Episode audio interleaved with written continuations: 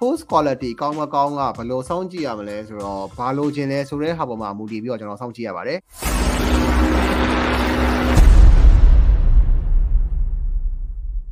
ကျွန်တော်ဗာမေးထားလဲဆိုတော့အာ page post quality ကောင်းမကောင်းဘယ်လိုစောင့်ကြည့်ရမလဲဆိုပြီးတော့မေးထားတယ်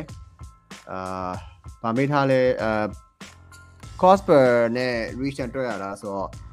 post quality ကောင်းမကောင်းကဘယ်လိုစောင့်ကြည့်ရမလဲဆိုတော့ဘာလို့ခြင်းလဲဆိုတဲ့ဟာပေါ်မှာမူတည်ပြီးတော့ကျွန်တော်စောင့်ကြည့်ရပါတယ်ဆိုတော့ကျွန်တော်ကကျွန်တော်တို့အာ message လိုချင်တယ်ဆိုလို့ရှိရင်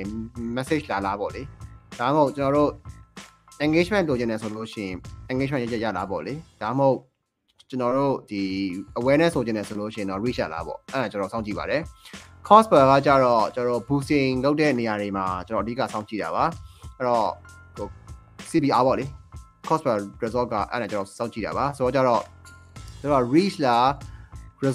reach လာပါလားဆိုတဲ့ဟာကတော့ကျွန်တော်ကစကတဲ့ကကိုကသတ်မှတ်ထားပါတယ်စကတဲ့ရပါဆိုတော့လေလာတလစကတဲ့ရဒါမှမဟုတ် marketing proposal စတင်ကတဲ့ကကျွန်တော်တို့ကဘာလုပ်မလဲဆိုတော့စတွေးရပါတယ်ဘာကြောင့်ဒါလုပ်ရလဲဆိုတာစတွေးရတယ်အဲ့တော့ကျွန်တော် business objective ကဒါလုပ်ချင်တယ်ဆိုလို့ရှိရင်ဥမာလူပိုသိချင်တယ်ဆိုလို့ရှိရင်เนาะကျွန်တော်တို့က reach ကိုပို့ပြီးသွားပေးတယ် အဲဒါမှမဟုတ်ဒီ brand love ပေါ့လေလူဝယ်မယ်လို့စဉ်းစားတဲ့အချိန်မှာ top of mind ကိုကျွန်တော်တို့ခေါ်တယ်အရင်ဆုံးအဲ့ဒီ brand ကိုစပြီးစဉ်းစားတင်နေဆိုလို့ရှိရင်တော့ကျွန်တော်တို့က brand love ကိုဦးစားပေးကျွန်တော်တို့သွားပေးရတယ်ဒါမှမဟုတ်ဒီ business ကတအားကြီး